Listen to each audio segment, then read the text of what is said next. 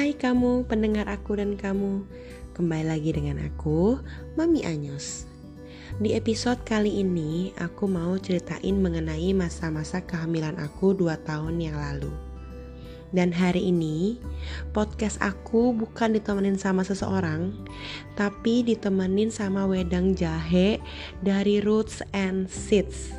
Aku nge-podcast ini lagi malam-malam ya Jadi lagi malam-malam gini tuh kayaknya enaknya yang anget-anget Jadi aku memilih wedang jahe dari Roots and Seed ini. Kenapa wedang jahe?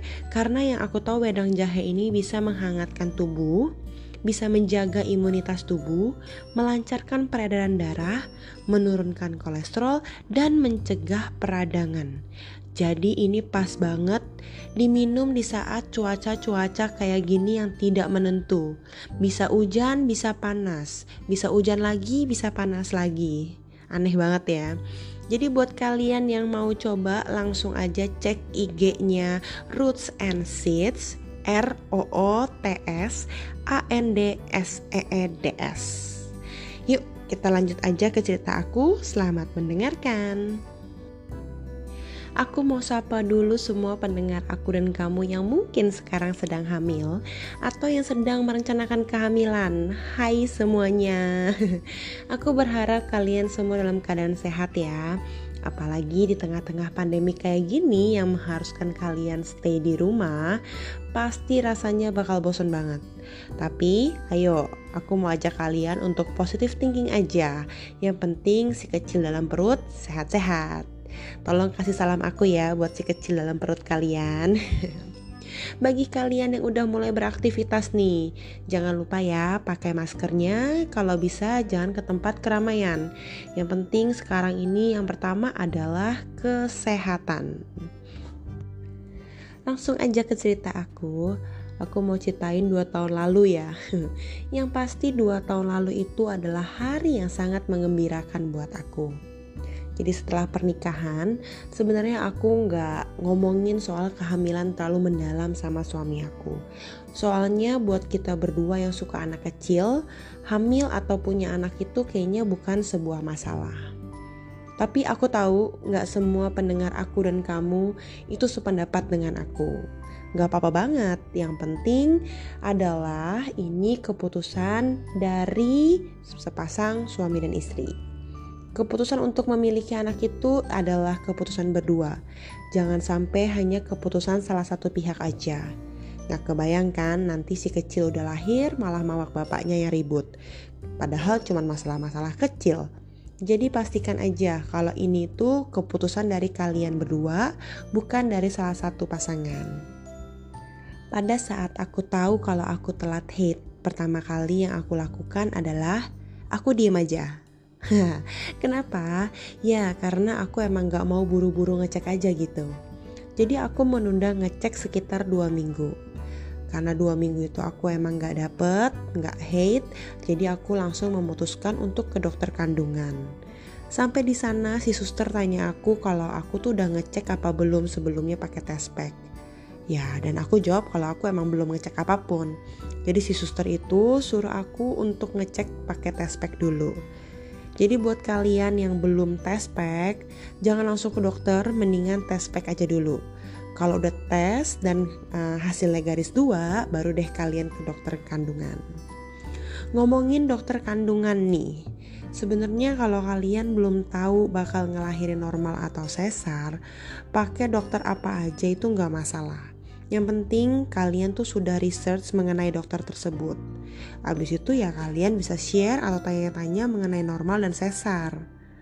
Nah bagi kalian yang udah tahu, pastikan kalau dokter kandungan kalian itu sepaham dengan kalian. Kalau dari aku, awalnya aku itu udah positif untuk kelahiran secara normal. Jadi aku akan mencari dokter kandungan yang sepaham dengan aku. Kebetulan kakak aku itu lahiran secara normal pada saat itu. Jadi aku memutuskan untuk memakai dokter yang sama. Kedatangan pertama aku, aku merasa sudah cocok banget dengan dokter tersebut. Jadi selama kehamilan aku ya, aku memakai dokter itu aja, nggak cari-cari dokter yang lain. Aku ada dengar beberapa podcast dari orang lain yang ceritain tentang kelahiran mereka. Dan yang aku pelajarin adalah terkadang walaupun kita udah merencanakan mau normal nih, tapi kita nggak pernah tahu kan apa yang terjadi nantinya. Jadi rencana itu boleh aja, tapi kalau tidak sesuai dengan yang direncanakan, kita juga harus siap. Jangan sampai nanti kita stres cuman gara-gara, aduh gue udah mempersiapkan diri gue buat normal, ternyata uh, eh, gue diharuskan untuk sesar. Kalau kalian stres nanti berpengaruh juga ke bayinya. Mengenai vitamin nih, jujur aku pribadi tidak terlalu tahu mengenai vitamin buat bumil. Aku percayakan aja vitamin aku pada si dokter kandungan. Pada saat itu aku disuruh untuk konsumsi asam folat. Yang katanya asam folat ini bisa untuk produksi sel darah merah. Karena di tubuh kita ada dua orang so sel darah merah yang kita butuhkan itu akan lebih banyak jadi harus dibantu sama si vitamin tersebut sebenarnya banyak banget produk lainnya yang bisa dikonsumsi untuk ibu hamil tapi alangkah baiknya dikonsultasikan dulu aja dengan dokter kalian karena pastinya dokter kalian lebih tahu kan kondisi kalian dan si bayi dalam perut kalian dalam trimester kedua pas kehamilan aku sekitar 4 bulan aku mulai cari tahu mengenai ASI dan sufor. Ngomongin ini nih sebenarnya bisa jadi pro dan kontra ya. Tapi di sisi ini aku pengen ceritain dari uh, pihak aku dulu. Menurut aku 6 bulan pertama itu penting banget air susu ibu Karena air susu ibu itu sudah memberikan sumber nutrisi buat si bayi ASI juga bisa melindungi si bayi dari sakit atau infeksi penyakit misalnya kayak diare. Dan yang aku tahu, ASI itu merupakan kekebalan tubuh pertama buat si bayi. Lagi pula dengan memberikan ASI untuk bayi kita, ternyata menyusui itu bisa membuat si ibu lebih sehat. Karena ini dapat mengurangi resiko kanker ovarium atau kanker payudara buat si ibu. Jadi buat kalian yang nantinya bakal memberikan ASI eksklusif satu tahun buat baby kalian, semangat ya, jangan pantang menyerah, kalian pasti bisa. Tapi jangan bersedih dulu buat ibu-ibu yang mungkin nantinya asinya nggak keluar, karena ada kok yang namanya susu formula buat nutrisi si bayi kita. Jadi apa pun yang terjadi nantinya, kita tuh sebagai ibu tahulah yang terbaik buat si bayi dan buat diri kita kalau emang kita diharuskan untuk susu formula ya why not? Yang penting kan bayi kita sehat. Buat kalian yang udah memutuskan untuk mau susu formula juga nggak apa-apa. Aku yakin apa pun keputusan kalian itu kan yang terbaik buat baby dan buat kalian juga. Nah memberikan ASI itu juga ada caranya loh. Ada yang namanya DBF atau direct breastfeeding atau ada juga yang disebut dengan non direct alias diperah atau kadang kita suka sebutnya dengan asip. Kalau dalam cerita aku, sebenarnya aku sangat berniat untuk DBF. Karena dengan adanya DBF itu kayaknya aku merasa lebih dekat dengan si baby. Karena kan kalau misalnya kita DBF kan si baby kan bakal digendong sama kita kan. Jadi tuh kayaknya ngerasanya bakal lebih hangat aja dengan si kecil. Tapi kenyataannya, tiga bulan pertama itu emang aku DBF sama si kecil. Tapi karena aku harus keluar ke mall-mall dan ini kan hampir setiap hari. Jadi setelah tiga bulan itu aku memutuskan memberikan asip atau yang diperah. Karena aku udah coba selama tiga bulan, bukan tiga bulan deh. Kalau satu bulan pertama kan aku stay di rumah. Dua bulan sisanya ada beberapa kali kan aku keluar. Itu agak repot kalau aku harus menyusui langsung. Terkadang di beberapa mall itu ada tempatnya yang bersih ada tempatnya juga yang kurang nyaman buat aku untuk langsung menyusui dengan si bayi. Maka dari situ kayaknya aku mau coba untuk ngeperah aja deh supaya mempermudah aku juga beraktivitas. Selain itu uh, aku juga bisa pastiin kan kalau misalkan aku perah itu si bayi itu minumnya berapa banyak ya? Karena kalau misalkan mereka DBF langsung kadang-kadang kita suka nggak tahu kan nih anak kenyang apa enggak ya? Tapi dengan adanya diperah itu uh, aku bakal tahu setidaknya si bayi itu minum asinya itu seberapa gitu. Baik lagi ke kalian nih, cari tahu dulu aja mengenai hal-hal kayak gini. Jadi setidaknya nanti pasti bayi lahir, kalian udah tahu apa yang harus kalian lakukan dan kalian persiapkan. Jadi kalau kalian misalkan mau ASI, ya jangan lupa untuk siapin mental ya, karena kalau misalkan uh, satu bulan pertama itu anak itu bisa nyusuin kan kayak tiga jam sekali ya kalau nggak salah. Jadi kalau misalkan mental kalian belum kuat, ayo dari sekarang uh, aku pengen ngajak kalian untuk menyemangati diri kalian. Karena bangun kayak bangun tiga jam sekali pada saat malam itu tuh sulit banget.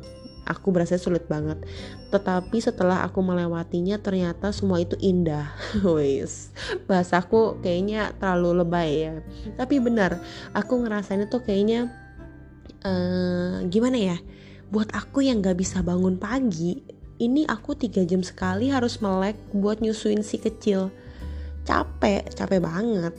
Tapi kalau udah pegang si bayi dan kayak langsung nyusuin gitu tuh rasa hatinya langsung duh happy gitu kayaknya nempel lagi sama si kecil gitu.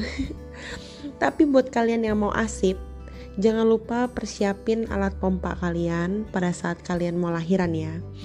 Buat kalian yang mau sufor siapin uang ya guys. Karena yang aku tahu sufor buat bayi yang baru newborn kayak gitu itu lebih mahal daripada susu-susu yang lain ya. Jadi semua itu harus kalian persiapkan. Mau asi mau asip mau sufor atau apa pun itu harus disiapkan. Nah gimana nih kalian yang sedang hamil? Kalian udah tahu belum nantinya kalian bakal ngelahirinnya secara normal atau secara sesar ya. Kalau dari aku sih aku lebih prefer ke normal. Tapi baik lagi kalau kalian belum siap dan kalian mau sesar itu juga nggak jadi masalah. Untuk bayi kalian nih kalian udah pikirin belum? Kalian mau kasih asi atau kalian mau kasih sufor? Balik lagi ya semua itu nggak ada yang bermasalah yang penting setiap kita menjadi ibu itu pasti mau yang terbaik buat anaknya dan yang pasti juga buat diri kita sendiri. Jadi apa pun keputusan kalian, sok jalanin aja, gak apa-apa. Podcast ini tuh cuman ngebantu kalian siapa tahu kalian lagi bingung, kalian lagi cari tahu. Kadang-kadang kan cerita orang bisa menginspirasi kalian. Mungkin sampai di sini dulu aja nih podcast aku di episode pertama.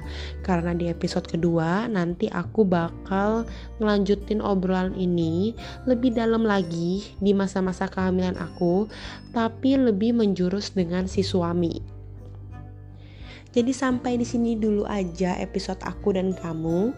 Semoga dengan podcast ini bisa mengisi dan menemani waktu kamu dan juga bisa menjadi masukan buat kalian ya.